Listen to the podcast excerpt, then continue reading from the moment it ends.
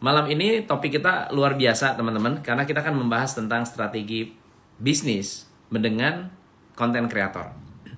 Uh, saya bukan konten kreator yang bagus. Saya bukan konten kreator yang uh, punya banyak strategi, tapi saya kenal orang yang sejak tahun 99 2000 2010 itu sudah melanglang buana dengan dunia uh, creation walaupun bidangnya bukan uh, seperti sekarang ya, belum ada YouTube, belum ada Facebook dan seterusnya. Uh, beliau adalah Denny Santoso yang saya rasa kalau melihat dari track record beliau, beliau adalah pebisnis tulen, beliau uh, tangan dingin. Kalau soal bisnis tuh Denny Santoso tangan dingin. Kenapa? Bisnis fitnessnya sukses, bisnis Bonel sukses, bisnis uh, digital marketer sukses. Di bisnis Tribelio sukses. Uh, bikin buku bestseller. Nah, kita pengen tahu dong, apa sih sebetulnya yang membuat Denny Santoso ini bisa punya begitu banyak strategi, uh, banyak produk, ya, tapi bisa booming, gitu kan? Kebanyakan dari kita coba-coba untuk jualan, posting sana, posting sini, berusaha jualan, postingnya jualan, posting aja, postingnya jualan aja udah nggak laku. Gimana kalau nggak jualan? Kan gitu ya. Bos, gue posting jualannya setengah mati. Ya kan? Ngiklanin produk, nggak laku. Apalagi sekarang biaya marketing di sosial media, di Facebook, di Google, itu semakin mahal. Nah, saya pengen bener-bener uh, gali nih dari Denny Santoso. Apa kabar, Den? Good, good luar biasa. Jadi tahun 2021 banyak banyak achievement besar ya. So many achievement ya. Lumayan lah ya. Lumayan banyak lah banyak ya. breakthrough ya. Iya, lumayan lah ya. Dan hopefully 2022 lebih lagi. Harusnya. Jadi 2021 nerbitin dua buku ya, Den ya? Satu, satu. List building satu. Um, 2020 list building black book. List building 2021 ini dua, uh, 2021 ah oke okay, akhir okay, kan okay, Desember okay. kemarin kan? Sip sip sip sip.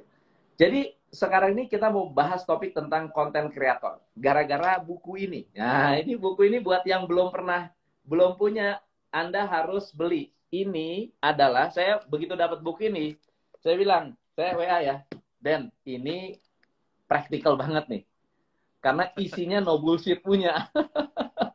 ini isinya nggak ada istilah benar-benar semua yang yang apa ya to the point ada di sini. Mau bikin strategi apa ada di sini. Teman-teman udah tahu belum? Nih, catat ya, konten kreator, buku Black Black Book, konten creator Black Book. Jadi buat yang mau bertanya-tanya silahkan langsung nanya. Tapi saya mau nanya-nanya dulu sama uh, siap. Kodeni. Ya, boleh siap, ya? Siap. Jadi aku uh, pertanyaan pertama adalah biaya iklan hari ini makin mahal, tapi uh, banyak orang yang mengiklankan produknya juga nggak laku-laku. Kemarin, nih hari ini saya baru ada ini ya, baru ada apa namanya pembinaan UKM. Pertanyaannya okay. begini, saya sudah posting jualan uh, nggak laku. Terus saya bilang, harusnya jangan posting jualan. Coach, gue posting jualan yang nggak laku, apalagi posting kagak jualan. nah, gimana Den? Tentang how to become a content creator atau apakah content creator ini bisa dijadikan strategi bisnis? Itu mungkin yang yang penting dulu ya kita bahas. Oke, okay, oke, okay. sip. Good question. Kalau mau bisnis digital, tidak mungkin tanpa konten. Selesai. Ya. Iya kan? Terus apa yang mau, di, mau diapain kalau misalkan bisnis digital nggak ada kontennya mau gimana coba? Kan nggak bisa. Jadi kalau Benar. bisnisnya mau masuk digital, ya harus bikin konten. That's it. Jadi Benar. itu tidak bisa didebat gitu. Nah, duit itu mengalir dari konten eh, dari konten consumer menuju ke konten creator. Hmm. Duit mengalir dari konten consumer ke konten creator. Titik. Oke. Okay. Udah nggak bisa didebat itu. Iya kan? kan orang lihat konten habis itu mau melakukan apa pun itu belilah apa pun itu jadi duitnya tuh ngalirnya adalah dari dari yang konsum konten menuju ke konten creator jadi kalau mau dapat duit content creator, bukan content consumer. Content consumer ya nonton doang gitu.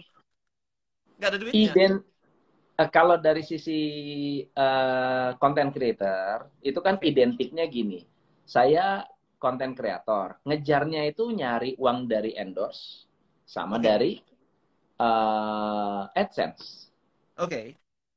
Nah, banyak yang bingung tuh.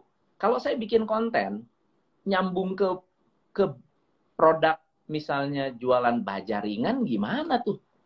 Oke, nah, ini ini pertanyaan cukup menarik sih sebenarnya sih. Jadi ada saya breakdown dulu ya. Sebenarnya di buku ini itu dibahas ada delapan cara cari duit lewat konten. Endorse Benar. itu cuma salah satu. Endorse itu salah Nih. satu. Ya, endorse salah satu. Catat ya. Nomor nomor dua adalah Anda bisa bikin kelas online, webinar berbayar. Nomor tiga Anda bisa oh, jualan webinar berbayar.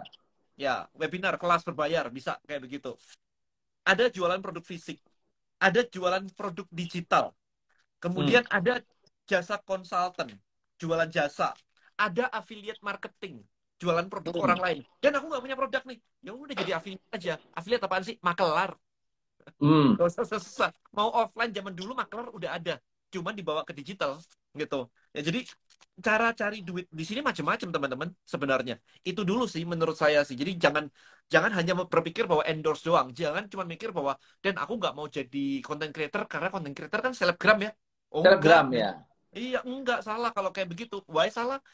Karena apa pun produk anda ketika anda posting produk anda di Instagram TikTok YouTube anda content creator. Ya. Gitu nah ini yang penting mindsetnya adalah ketika create content gimana caranya jadi media media anda adalah Netflix dari perusahaan Anda. Kira-kira isinya apa? Gitu. Hmm. Jadi mikirnya okay. adalah strategi media, bikin orang interested. Pernah nggak um, teman-teman di sini yang sudah punya pasangan? Saya pengen hmm. tanya, yang sudah punya pasangan, pacar, suami, istri, dan sebagainya.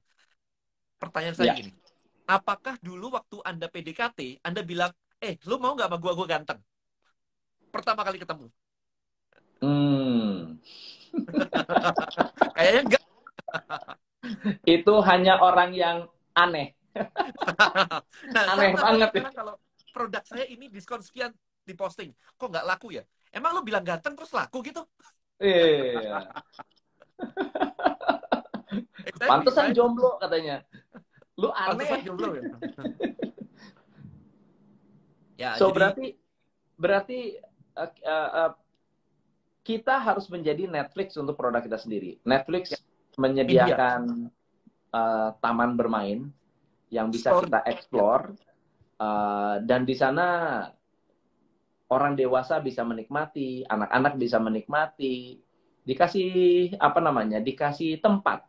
Orang yang suka thriller, yang suka yes. horror, yang ada. suka action, itu luar biasa banget. Jadi saya sukanya sama Denny Santoso ini, kalau ngejelasin itu to the point dan analoginya tepat banget. Kayak dulu kalau saya uh, uh, dengar Denny sharing tentang digital marketing itu bikin Disneyland. Wah, ya. itu keren banget. Ya. Keren banget. Harus bikin kayak begitu sih. Mindsetnya adalah kita bikin bikin wahana istilahnya. Kita bikin wahana. Nah. Gitu. Nah, yang menarik nih Coach Tom, kemarin saya sempat menganalisa nih. Maybe teman-teman yeah. jarang menganalisa Instagramnya masing-masing. Kita ngomong Instagram nih Coach Tom. Yes. Kalau postingannya produk, hmm. lihat reach-nya dibunuh sama Instagram. Oh gitu ya?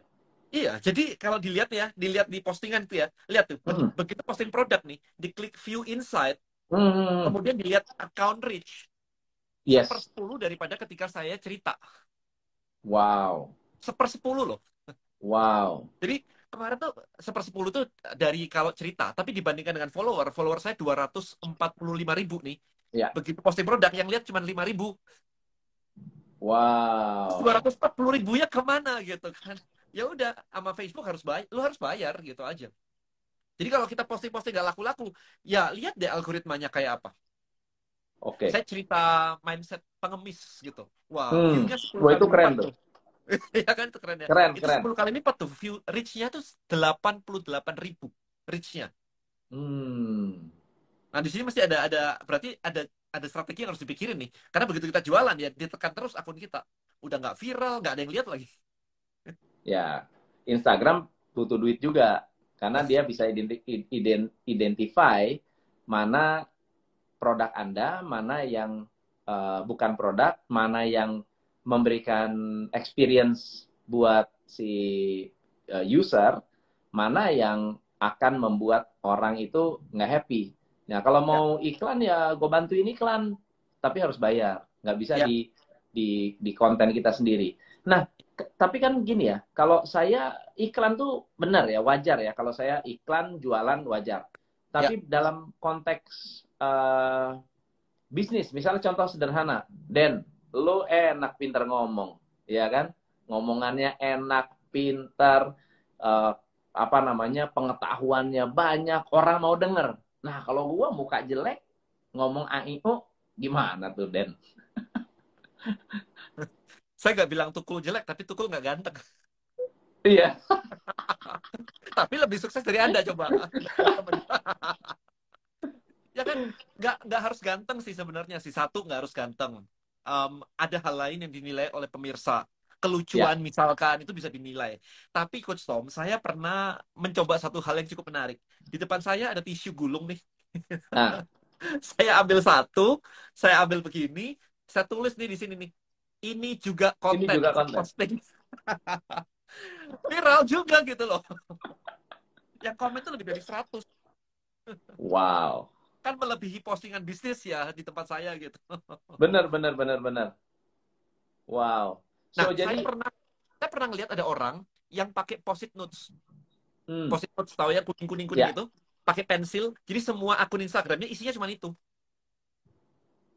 followernya lebih dari sepuluh ribu waktu saya lihat dulu banget kayak dua tahun yang lalu deh. Lebih dari sepuluh ribu gitu. Tulis Dan tangan gitu ya? Iya iya that's it gitu aja. Wow wow oke. Okay. so jadi nggak nggak boleh dipakai sebagai alasan bahwa saya wajah saya nggak enak dilihat atau mungkin cara bicara saya kurang menarik uh, saya introvert atau mungkin saya nggak ada ide untuk bikin konten. Nah gimana sekarang bisa dapat ide yang very brilliant banget. Ini juga konten hanya dari tisu di foto. You are so brilliant. Nah, gimana dapat idenya, Den? Dapat idenya ya gini, gimana caranya kita bisa masak masakan aneh-aneh macam-macam? Pertanyaannya itu dulu. Gimana caranya kita bisa kalau Anda adalah seorang ibu rumah tangga, terus suami Anda komplain, makanan lu cuma Indomie doang, kira-kira apa yang yeah. Anda lakukan? Anda akan ke mana-mana lihat makanan. Anda akan buka resep lihat makanan. Maka saran saya lihat konten orang lain paling gampang. Hmm. Kalau di saya di digital marketing kontennya ini. Kalau saya niche-nya ikan, saya lihat kontennya ini. Kalau di niche saya masak, kontennya ini. Lihat semuanya. Dari situ baru kita dapat ingredient. Oke. Okay? Kalau kita cuma punya telur rebus dan kita cuma tahu telur rebus, jadinya cuma telur rebus, telur dadar, telur ceplok, udah. Udah. Kari, udah begitu kita tahu tepung terigu ada ragi ada jadi pastry jadi roti jadi cake semuanya. Benar benar benar benar. Bahan bakunya harus ada. Bukan dari sini tapi dari lihat dan belajar mengamati. Nah saya mau kasih saya mau kasih intip-intip buku boleh nggak Den? Sure of course. Boleh yes, ya? yes, yes. nah jadi teman-teman jadi begini. Di buku konten uh, creator black book ini uh, kalau saya baca list ini aja ya, kita baca list uh, chapter-chapternya. Chapter pertama itu Anda akan belajar tentang apa itu konten kreator, ya. Jadi kalau Anda mau cari ide, paling gampang adalah ya research. Tetapi it's difficult buat saya pada saat saya tidak tahu what to look for. Yes. Susah banget. Buat saya mencari ini saya baca nonton kontennya Dedi, gue mesti lihat apanya ya? Mau lihat botaknya, mau lihat mau lihat apanya. Nah, buku ini memberikan kita itu kayak kayak apa ya? Apa sih yang harus kayak, lihat gitu kan? Uh, uh, kaca pembesarnya nih. Oh, ini tuh yang dimaksud. Nah, jadi mindsetnya di chapter 2 ini Anda akan belajar mindset. Anda akan belajar tentang apa superpower Anda.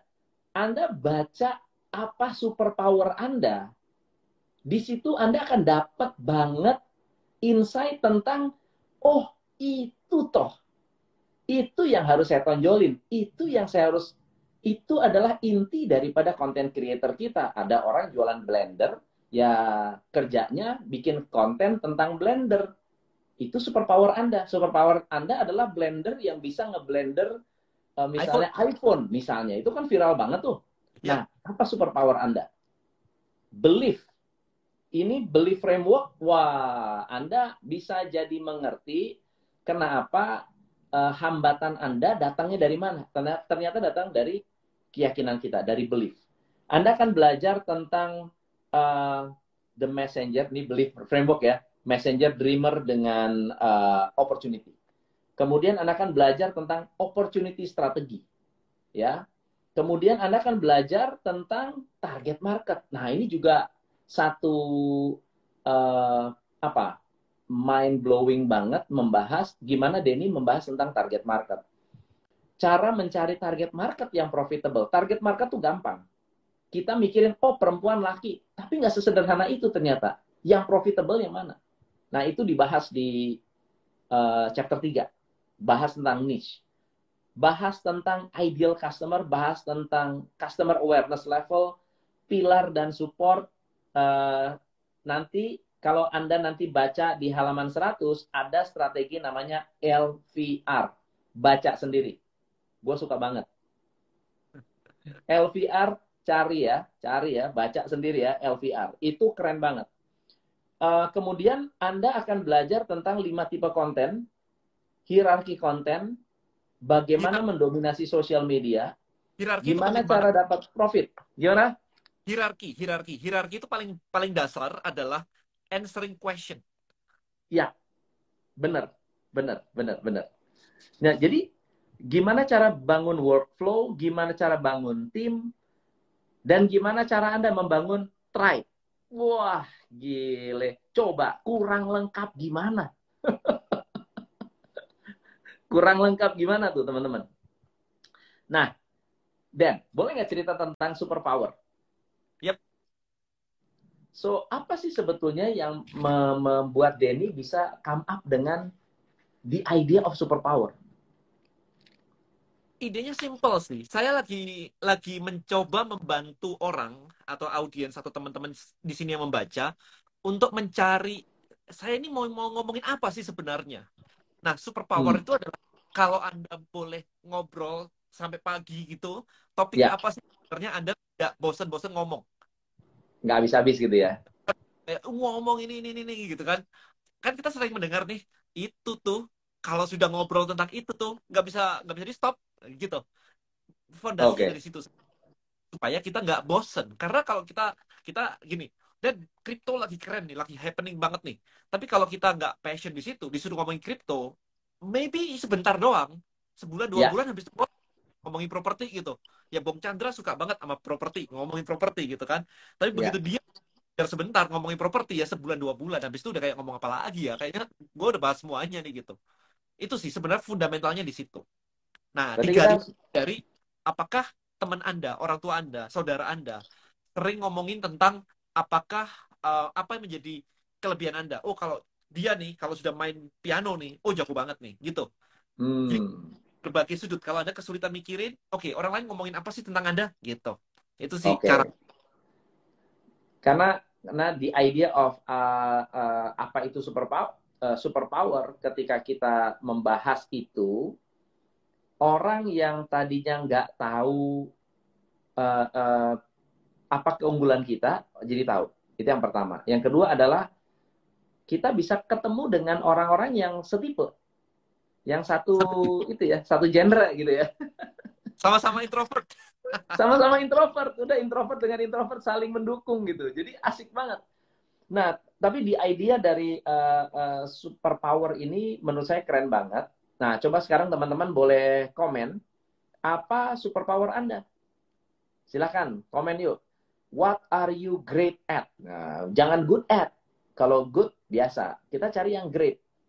Apakah Anda uh, sangat kalau membahas mengenai besi, ya, wah ini gua gua menguasai banget. Kalau Anda bahas tentang uh, tembok, ya keren bisa banget. Bahas pipa, ya Bahas apa yuk? Dan kita tanya jawab dulu ya. Alright, oke. Okay. Saya saya mau nanya-nanya Anda dulu nih, nanya-nanya Anda, apa superpower Anda? Nah, nanti abis ini saya bacain beberapa sambil saya bacakan beberapa pertanyaan. Pertanyaan pertama, bagaimana si Instagram itu mendeteksi apakah kita memposting produk atau posting uh, konten? Nanyanya sama Instagram tuh harusnya saya nggak tahu. Yang penting tanya sama Instagram bos. Gitu. Tapi kelihatannya mereka cerdas ya algoritmanya ya. Oke, kemudian beli bukunya di mana? Tuh langsung di linknya itu. Yang di langsung di link ya bit.ly slash Tom MC Ifle. Ya. Kemudian uh, insightful banget. Selamat malam coach, salam pencerahan. Coach minta saran, teman saya udah habis semua usaha tutup untuk makan, susah beli susu anak, susah. Cuma ada aset rumah dan tanah dekat kota dan asetnya mahal. Ini pertanyaannya mau diapain gitu ya? Gimana Den? Wah, iya di, dijual kalau saya. Jual jadi dijual modal sih. ya? iya jadi modal kalau saya sih. Apalagi apalagi asetnya mahal atau aja kerjasama ajak kerjasama orang yang mau ya. buka Cari restoran ya? atau buka ruko atau bikin ruko developer uh, kalau memang tanahnya bagus dan besar bikin ruko ya. uh, anda nggak usah keluar biaya sama sekali nanti dibayar pakai ruko atau dibayar pakai uh, pada saat ruko itu terjual itu bisa malam coach bagaimana cara membahas uh, tadi ah, ini tadi keputus tuh. Malam coach, bagaimana cara membahas produk asuransi di media sosial bisa menjadi superpower? Oh, simple banget. Um, jangan ngomongin asuransi dana darurat. Orang udah anti. Ah. Orang udah anti gitu. Gimana caranya bikin orang jadi pengen asuransi? That's the question. Hmm. Itu harus dipikirin. Gimana caranya orang harus tahu apa, harus punya belief apa, atau mindset apa sehingga dengan mindset tersebut mereka jadi pengen beli asuransi. Itu pertanyaannya okay. di situ itu. Bukan asuransinya. Contohnya gimana, Den? Oke, okay, so maybe kayak gini. Um, let's say target marketnya adalah milenial gitu ya. Jadi supaya clear dulu target market milenial gitu. Nah, milenial kenapa harus pakai asuransi? Milenial disukai adalah dia pengen beli rumah sebelum usia 30 tahun. Itu Coach Tom pernah posting tuh videonya tuh Hmm. Kalau nggak salah beli rumah KPR atau apa tuh kalau saya saya search di YouTube selalu muncul deh mukanya custom nomor yeah. Iya, iya. lah itu itu top banget tuh. Nah, ajarin mereka target market Anda yang namanya financial planning. Nah, yeah. dalam struktur financial planning itu ada macam-macam tuh, ada dana darurat hmm. lah, ada asuransi lah, ada apalah budgeting dan sebagainya. Di situ Anda boleh ngomong asuransi.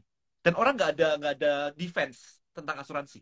Karena yang Anda ajarkan adalah financial planning gitu. Nah, hmm. dari situ baru Anda selipin bahwa pentingnya asuransi begini, pentingnya ini ini, pentingnya dana darurat begini, pentingnya liquid cash misalkan begini. Kayak begitu. Hmm. Jadi diselipin sampai mereka nyadar, mereka understand. Jangan sampai mereka itu belum ngerti udah defense. Ini problem. Oke. Okay. Nah, di sini Anda harus memahami bahwa konten itu adalah senjata untuk komunikasi. Jadi kalau misalkan komunikasi pakai konten nggak berhasil nggak berhasil, Anda harus cek approach Anda. Jadi jangan ngomongin kayak tadi, jangan ngomongin tentang um, asuransi langsung, dana darurat lah gitu-gitu. Itu jangan sih. Ada yang pakai approach lain lagi nih. Uh, teman baik saya Pak Edi Mak itu ngomongin tentang warisan. Hmm. Tentang warisan. Oh ternyata kompleks banget tuh warisan itu. Gitu. Yeah. Ternyata istri kalah dengan anak di luar nikah loh. kan luar biasa. Oh gitu ya? Iya, jadi begitu meninggal, anak di luar nikah muncul harus dibayar duluan daripada istri. nah, kontennya jadi seru tuh kayak gitu tuh. Nah, gimana mengamankannya? Hmm. Pakai asuransi, kemudian dibuat ahli warisnya tunjuk appointed gitu. Eh, salah satunya. Tapi kalau kita bilang, oh harus asuransi, orang udah kayak, ah males lah asuransi mulu gitu kan, lu jualan mulu gitu. Hmm. Menariknya gini, Custom. Ini ada sesuatu hal yang cukup menarik. Di awal saya launching Tribelio, saya pernah diundang ngisi di panggung gitu. Ketika saya ngobrolin tentang Facebook group, orang-orang yeah. bilang, uh kontenmu keren banget, tadi belajar banyak. Tapi begitu saya ngomongin tentang Tribelio, waktu itu ya, ini waktu 2019 tuh, Orang bilangnya yeah. apa coba komentarnya? Dan lu mah jualan mulu ya. Kebayang ya? Orang itu ada kalau Anda ngomongin produk Anda, Anda akan dibilang jualan. Yeah. kalau Anda ngomongin produk orang lain, meskipun Anda jualan, meskipun saya bilang, lo mesti pakai Facebook Group, orang bilang, nah. insightful banget. Iya. Ya kan? Bener, ada spiritnya begitu tuh, orang-orang tuh kayak gitu. So dari situ Anda masih belajar bahwa Anda nggak bisa langsung tembak jualannya. Anda harus bikin mereka tuh bener-bener kepingin banget, sampai dia nanya sendiri, eh solusinya gimana sih? Pakai produk lu gimana caranya sih? That's it. Hmm. Gitu. Menarik, menarik, menarik. Jadi kalau ngomongin Facebook Group, uh, kita diber, kita memberikan bigger picture tentang uh, esensi dari produk kita. Kayak Tribelio kan sebetulnya memiliki komunitas sendiri, tapi milik kita, bukan milik orang lain. Tapi kalau kita berbicara uh, Facebook Group, orang lebih mengerti dan akhirnya bisa relate dengan produk kita. Nah, insurance juga bagus banget ketika tadi Denny menyampaikan jangan ngomongin produknya, jangan ngomongin unit linknya, jangan bicara soal resikonya. Ya orang udah tahu kita uh, jualan, tapi begitu di keluar dari uh, konsep insurance itu bigger picture-nya apa sih? Oh keuangan. Gini, kita tarik ke sini ke hmm. framework belief. What is the dream? Ya. Ah itu. What is the dream? What is the customer Bener. dream? customer dream bukan beli asuransi. Benar, benar. Gak ada orang yang kayak bangun tidur, aku harus beli asuransi hari ini, pokoknya aku harus beli asuransi. Gak, gak ada gitu. Benar. Jadi balik Jadi, lagi pakai framework itu aja.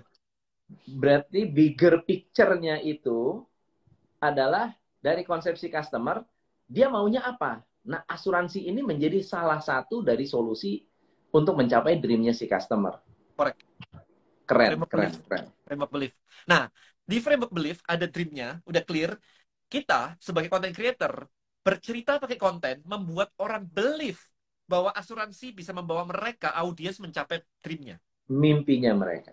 Gitu. Wow. Wow.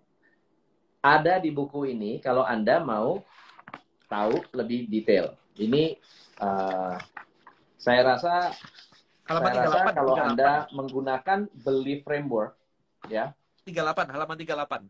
Ya, beli framework. Ini juga salah satu favorit saya. Karena ketika kita um, mem membawa apa ya? Kita membawa membawa dream langsung yang dicari opportunity. Betul nggak sih? Kalau kita ajak dia untuk membawa ke mimpi-mimpinya, next step-nya yang muncul adalah opportunity. Nah, pertanyaannya gimana kita bisa masuk ke dalam atau membawa orang ke dalam dream itu sehingga orang berpikir apa yang bisa saya uh, lakukan untuk mencapai mimpi itu. Oh, ternyata insurance itu salah satu. Dulu yes. susah banget ngomongin soal saham. Berapa susah banget orang untuk diajak masuk untuk uh, uh, masuk ke pasar modal. Sekarang ada banyak orang yang eh, tiba-tiba kayak Lo Keng Hong ya kan wah Warren Buffett Indonesia triliunan orang jadi tertarik untuk masuk uh, saham dengan dengan ya. begitu uh, apa ya gencarnya gitu nah ini ada yang cukup menarik tuh begini banyak orang tidak tahu mimpi marketnya ah problemnya di situ jadi nggak bisa bikin konten ngomongin mimpi market nggak tahu dia nggak tahu mimpi marketnya makanya di chapter berikutnya adalah menentukan namanya target market. Iya, iya. Gitu. Nah, banyak orang ketika ngomong target market juga salah. Mereka bilangnya apa? Target hmm. market ibu-ibu usia 25 sampai 30. Saya yeah. balik nanya, kalau Anda jawab kayak gitu tuh ya, target market saya ibu-ibu 25 30. Pertanyaan saya adalah, apa mimpi seorang ibu usia 25 sampai 30? Bingung sendiri akhirnya jawabannya. Nah. Gitu. Karena yang disebut target market harus punya spesifik problem. Ibu-ibu bisa punya masalah parenting, bisa juga Benar. punya masalah keuangan, bisa juga punya masalah di dapur misalkan, bisa juga masalah sama suami. Benar, nah, yang mana benar. nih? Ketika ketemu, oh masalahnya parenting, dreamnya langsung jelas. Saya mau anak saya nurut gak pakai gadget, oh, clear udah langsung. Berarti harus spesifik banget ya? Spesifik banget. Maka dreamnya akan muncul. Kalau enggak kan gelambiar ya. 25, 31, eh 35 gitu. Mimpinya apa coba? Bingung juga gitu. Mantap, mantap. Nah, jadi teman-teman buat Anda yang sudah tahu superpower Anda, next-nya adalah dream apa yang menurut Anda menjadi uh, ambisi dari konsumen-konsumen Anda? Ini banyak nih.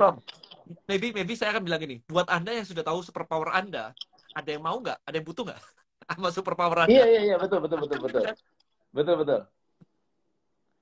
Nah, nih, ahli tanaman hias, solving technical problem, menguasai ads, membuat bisnis namun tidak pandai berjualan, sepak bola, oh, keren, saya baca. Betul. Kalau ada orang bilang ini, saya nggak pede, saya nggak pinter jualan, misalkan saya nggak bisa hmm. public speaking, saya akan bilang very good, you know your yeah. weakness untuk di upgrade.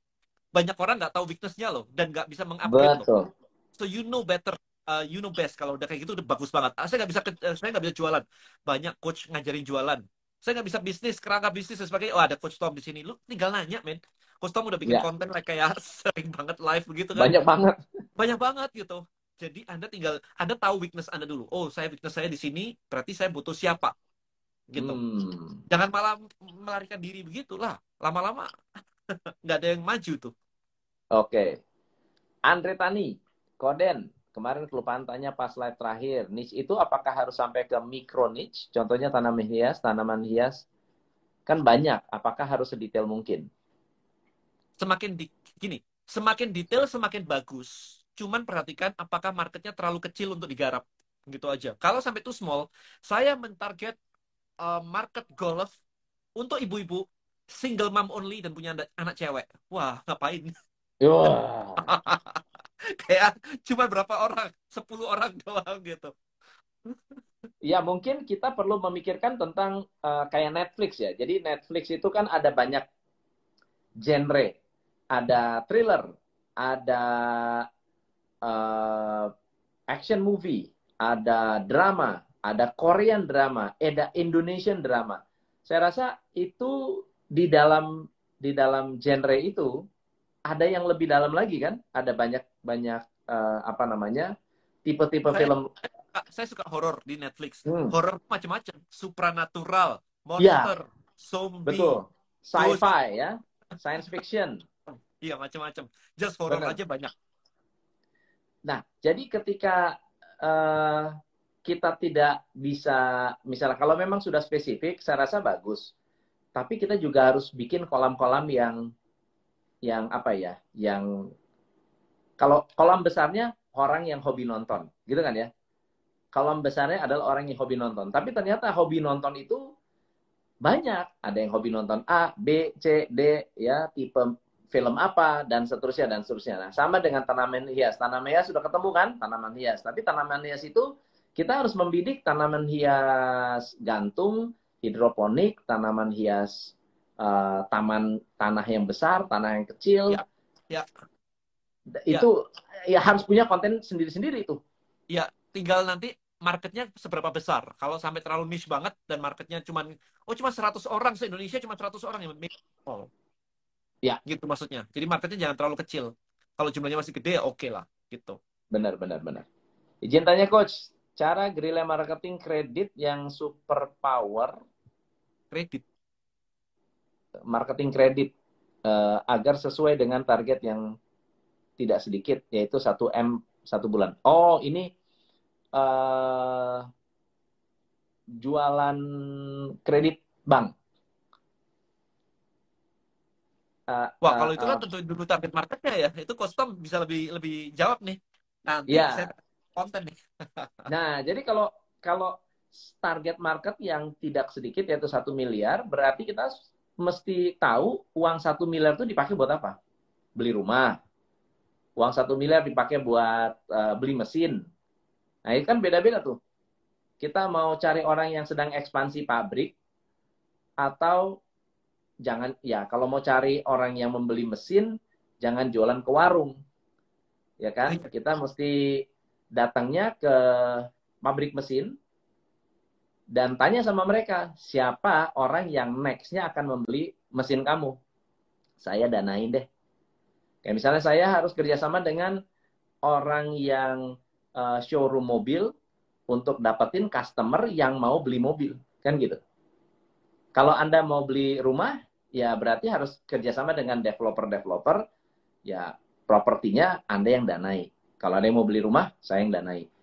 Jadi kita perlu mencari uh, simpulnya, di mana ya. customer itu ketemu. Nah, lewat. Nah, gitu. Oke, ini pertanyaan Den.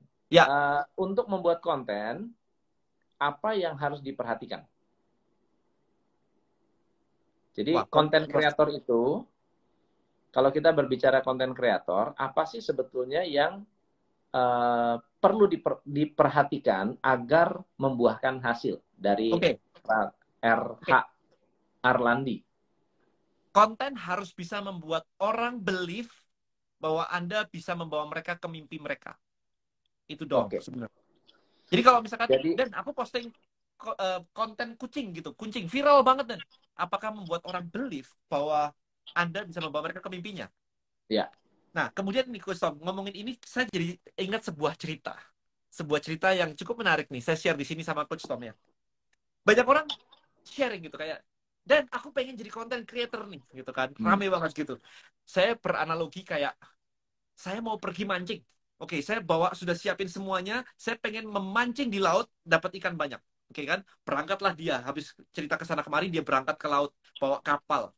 Di sana banyak kapal lain. Kapal A, kapal B, kapal C semuanya memancing gitu. Dan dia melihat, "Wih, ikannya banyak nih di sini nih. Platformnya lagi baru. Seru banget." Dia mengeluarkan semua uh, semua apa umpannya. Kemudian dia lemparin itu ke laut dia lemparin ke laut dan ternyata ikan-ikan datang berdatangan semuanya dan rame banget dan dia berteriak yes engagement saya keren banget nih rame banget nih di sini nih at the end of the day ketika dia pulang dia ditanya eh ikan lu mana iya tadi engagement banyak sih tapi lupa bawa pulang leads bawa lupa bawa pulang prospek atau customer nggak dijaring gitu ya nggak dijaring ikannya jadi kadang-kadang content creator itu kebanyakan cuma mikirin engagement engagement doang like-nya banyak hmm. share-nya banyak algoritmanya keren terus ikan lu mana gitu hmm. dia nggak bawa pulang itu itu ke kelemahan dari uh, kesalahan dari newbie content creator. Jadi buat teman-teman remember itu engagement baru satu step bahwa umpan Anda disukai. Ya. Tapi Anda belum dapat ikannya. Benar. Lebih mantap lagi kalau teman-teman nanti baca buku khusus tentang uh, ada tipe-tipe konten. Ada tipe-tipe konten yang bisa dipelajari uh, bareng-bareng kayak Riko ya produk komoditas approach-nya namun nawarin orang jalan bagaimana cara sukses usia muda. Mungkin kalau jualan pintu baja approach-nya bisa sama kayak Riko tapi revenue modelnya harus dirubah dulu. Oh gini, betul, betul, kalau betul. dari tadi tentang baja, tentang baja dan sebagainya, mesti dibuat, uh, mesti dipahami ada produk keinginan, ada produk kebutuhan. Hmm. Nah baja itu kebutuhan. Mau dikasih konten apa pun, kalau saya nggak butuh baja, saya nggak beli baja. Betul ya ada kebutuhan ada keinginan jadi kalau konten itu bisa digunakan untuk produk-produk yang keinginan ditunjukin bikin orang pengen tapi kalau pintu baja ditunjukin pintu baja nggak bikin saya butuh gitu ya obat okay. cancer misalkan mau dibuat konten apa iya kalau saya nggak nggak kenapa kenapa ngapain saya harus beli obat cancer gitu kan Iya, iya, iya. Nah, jadi ya. Anda paham itu, itu itu marketing sih itu, udah ke marketing sih. Oke. Okay.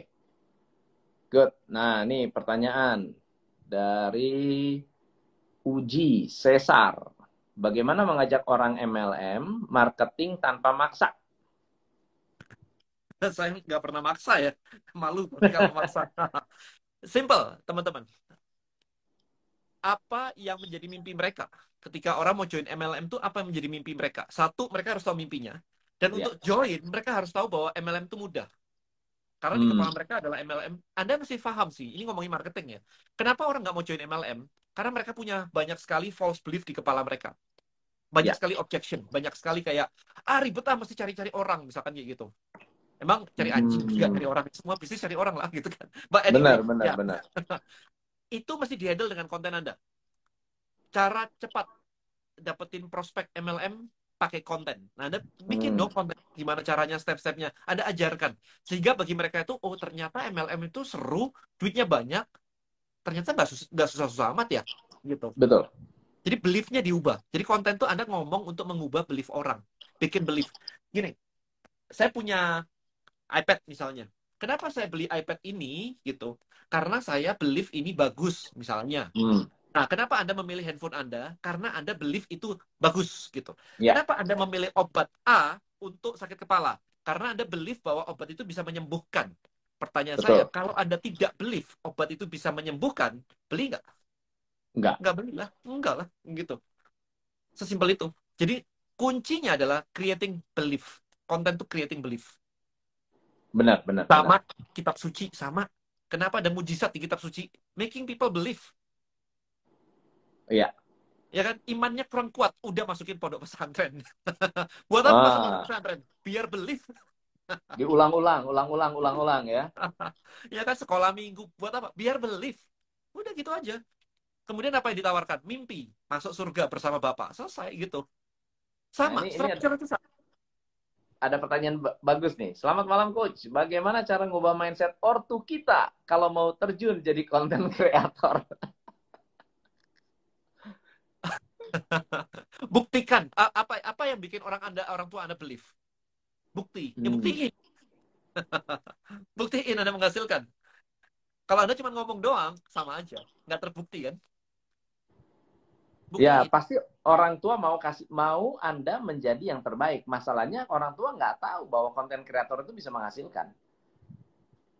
Nggak nggak nggak sadar. Tapi gak kalau aja. anda mau uh, membuktikan harusnya luar biasa.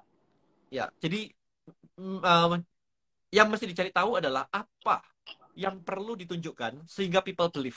Jadi pertanyaan balik ke orang tua sama. Ya. Dilihat mereka supaya mereka believe Tanya aja ke mereka. Hmm. Supaya believe sama content creator gimana? Ya kalau lu bisa hidup dari situ nggak usah minta apa-apa ya. Apa believe gitu kan. Ya udah, salahin. Benar, benar, benar. Oke, Yosua, Joe, poin apa saja yang bisa membuat sebuah tempat dikatakan strategis?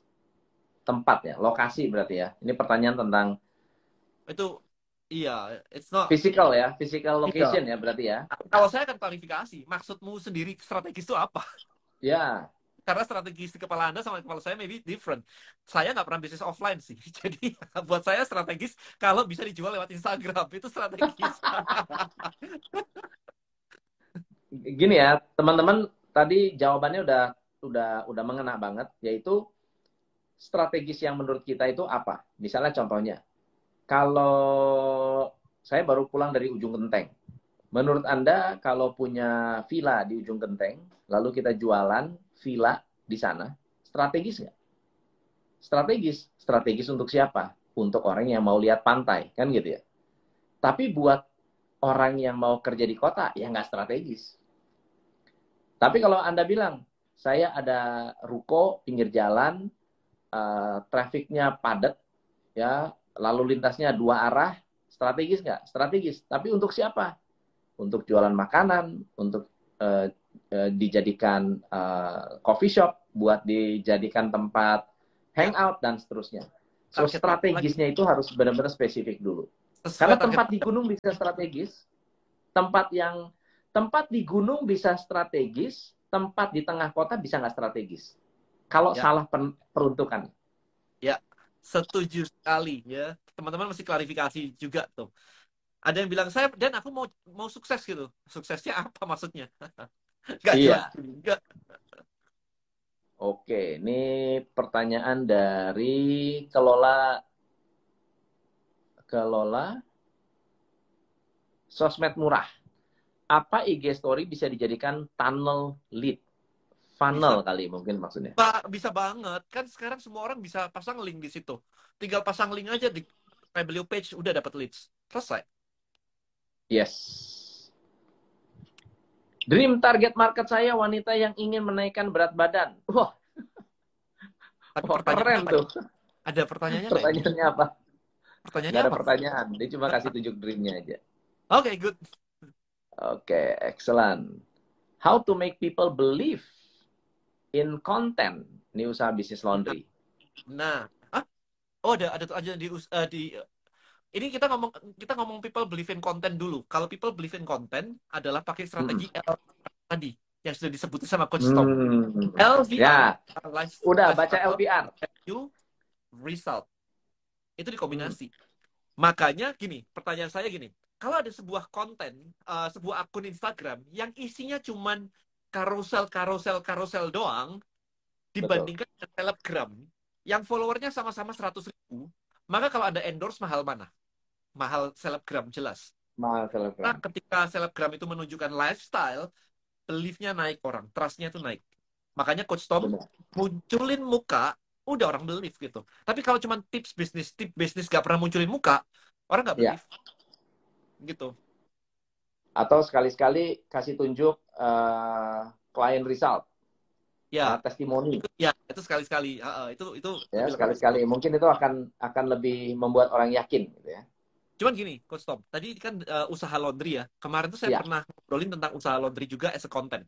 Pertanyaan saya gini, apakah orang yang pakai usaha laundry, pakai laundry, itu ngefollow akunnya untuk itu? Uh, uh, apakah orang ngefollow follow akun usaha laundry untuk ngelondri gitu? Mostly enggak sih. Saya kemarin udah survei soalnya. Hmm. Saya tanya teman-teman di sini, saya saya penasaran aja siapa tahu teman-teman di sini ada. Kita kita survei kayak begini ya. Teman-teman, siapa di sini yang pakai laundry? Gitu aja. Siapa yang pakai hmm. laundry? Bilang yes or no atau apa pun itu. Kita kita eksperimen di sini.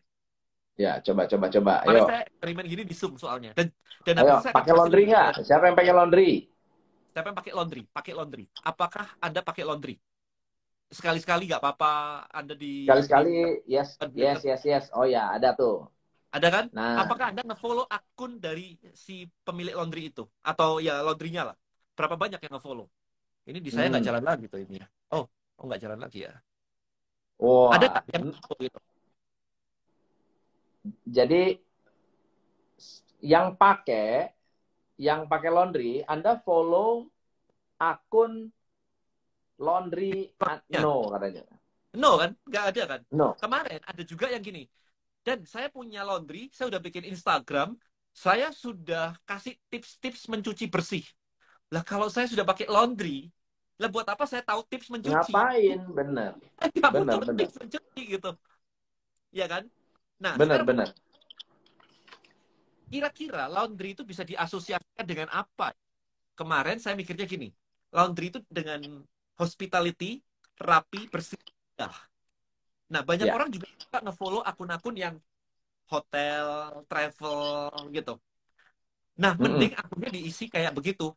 Kamarnya rapi, mm. atau bagus gitu. Yang orang lihat itu karena desain, karena graphically beautiful.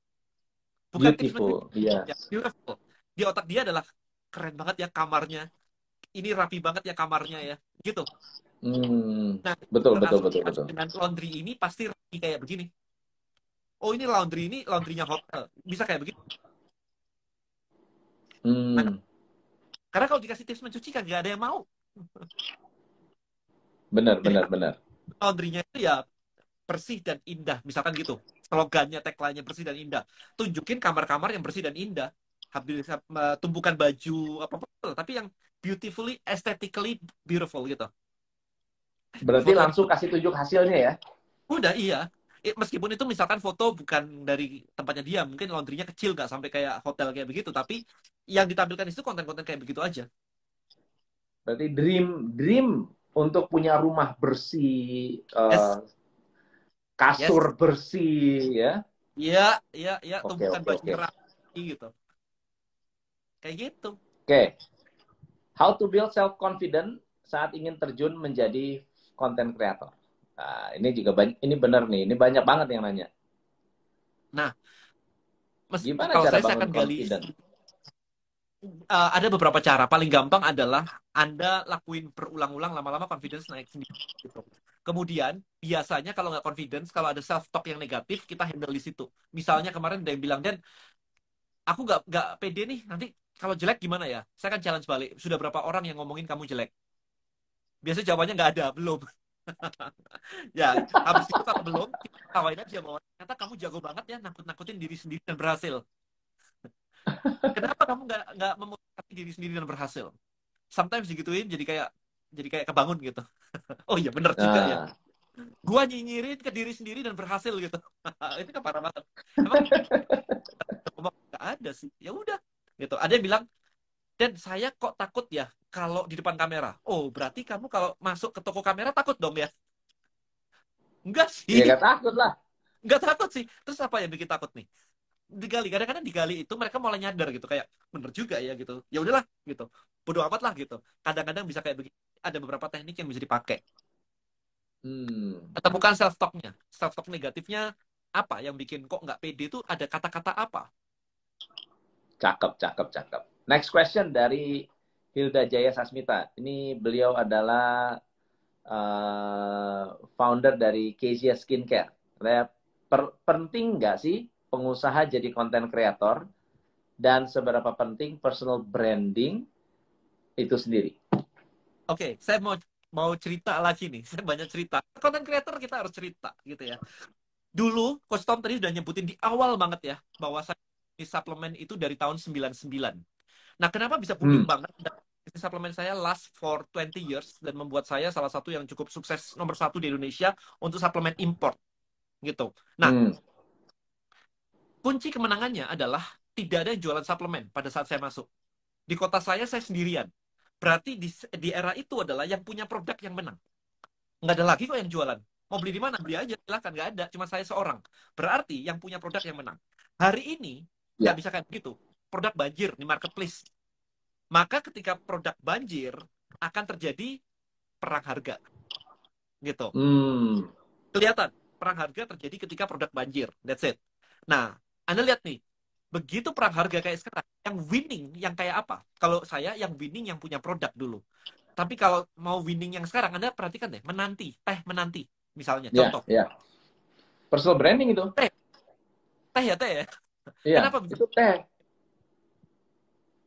Tapi story. yang kuat kuatnya uh, uh, story dari personal brandingnya. Korek.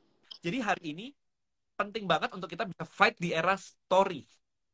Hmm. Tapi nanti belajar tuh semuanya akan jadi story story story semuanya akan came up with a brand yang punya story. Biote coba, Kustom tahu Biote dari Pau Pau. Ya. Biote tahu kan?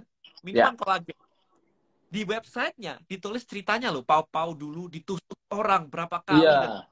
tahu kan ceritanya kan benar benar benar tanya Tom tahu nggak isi dari biote apa nggak tahu nggak tahu saya juga nggak tahu tahunya kolagen punyanya pau pau so story will win oke okay? tapi ke depan setelah semua orang punya story perang story dong perang attention nah nextnya hmm. nextnya adalah yang punya tribe yang menang kayak agama. Hmm. Agama tuh story, tapi habis itu karena sudah kuat, tribe-nya, ritualnya semua udah kuat, dia win. Gitu. So that's hmm. that story community. Oke, okay, oke. Okay.